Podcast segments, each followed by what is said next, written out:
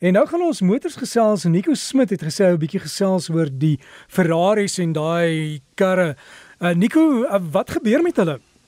Goeiemôre Derek. Weet jy wat ons praat oor die die die uh, veral die drie vervaardigers Ferrari, Lamborghini en Porsche en dan bietjie oor hulle uh, embleme waar dit vandaan kom en natuurlik die die die die persone wat wat wat uh, wat hierdie maatskappy gestig het. Al drie van hulle was baie interessante karakters um, met ehm um, party van hulle soos Enzo Ferrari byvoorbeeld was nogal 'n 'n moeilike 'n uh, 'n kalant en uh, baie kontroversiële persoon. So Ferrari self het aanvanklik begin Enzo Ferrari ehm um, hulle familie het 'n ehm um, maatskappye doodgeloop en hy het toe begin eers as 'n toetsbestuurder en toe self as 'n uh, wat daai tyd 'n Formule 1 bestuurder was en ehm um, um, as deel daarvan het een van die um, um, wedrenne waar hy deelgeneem het was daar 'n familie van 'n uh, 'n um, man by die naam Francesco Baracca. Nou hy was 'n uh, Eerste Wêreldoorlog vegvlieënier en hy is oorlede oorlede in die Eerste Wêreldoorlog en sy familie het toe gesê hoorie sy embleem was hierdie perd in Engels praat hulle van die prancing horse. Um, en hulle stel te voor dat Enzo Ferrari hierdie um, perd op sy resieskarre sit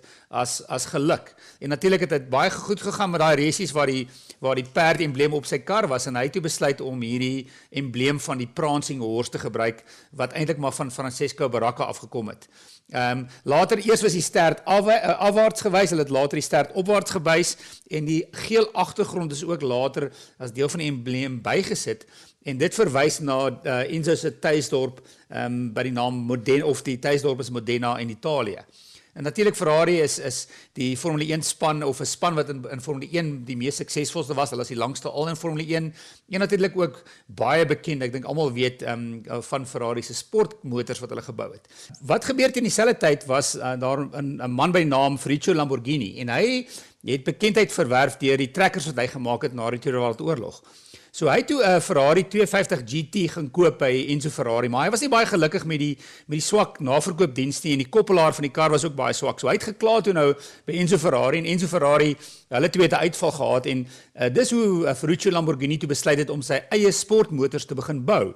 Nou stuurgevegte of in Engels jy weet bullfights was deel van sy identiteit. Hy self was 'n uh, 'n Taurus of 'n 'n bulsterre teken en hy het op 'n stadium 'n teelplaas besoek ehm um, ehm um, uh, by die persoon se naam was Eduardo Miura. So hy het gekyk na die teelplaas waar die bulle geteel was en hy was baie beïndruk met dit en hy het toe besluit om van hierdie uh, Raging Bull ehm um, embleem bekend uh, of gebruik te maak. So daarna was elke Ferrari altyd ehm um, vernoem na 'n vegbul. So Murcielago is die naam van 'n bul of Diablo is die naam van 'n uh, 'n bul. Die enigste een wat 'n uitsondering is, Countach Ehm um, en Countach is 'n roep van ongeloof in Italiaans. Met ander woorde as jy uh, byvoorbeeld uh, bly is oor iets of jy kan nie glo hoe mooi iets is, sal jy sê Countach. Nou die storie gaan dat hulle besig was om die kar te ontwerp en iemand het ingestap en hierdie mooi kar gesien en gesê Countach en dis toe nou waar die naam Countach vandaan kom. Uh en die laaste vervaardiger is Ferdinand Porsche. En Ferdinand Porsche wat interessant was, ek lees nou vandag um, weer bietjie oor hom en en 'n uh, bietjie oor die agtergrond. Hy het geen formele kwalifikasie as 'n ingenieur nie, alhoewel hy bekend is as die ingenieur die motoringenieur van die vorigste eeu. So hy het aanvanklik begin deur net kontrakteurwerk te doen. Ehm um, maar ehm um, hy het toe in, in 1931 sy eie motormaatskappy begin.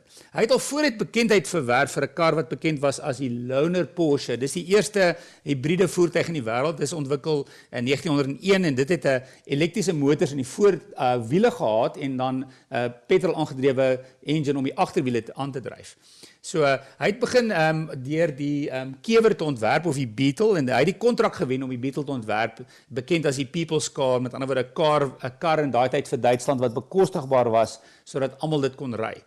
Ehm um, na die uh, Tweede Wêreldoorlog het hy toe nou begin om die uh, Porsche maatskappy te groei. Ehm um, en die maatskappy het baie meer gegroei. Ehm um, en dan op 'n stadium was die uh, dit, dit in die laat 90s of in die middel 90s was die maatskappy eintlik in die moeilikheid.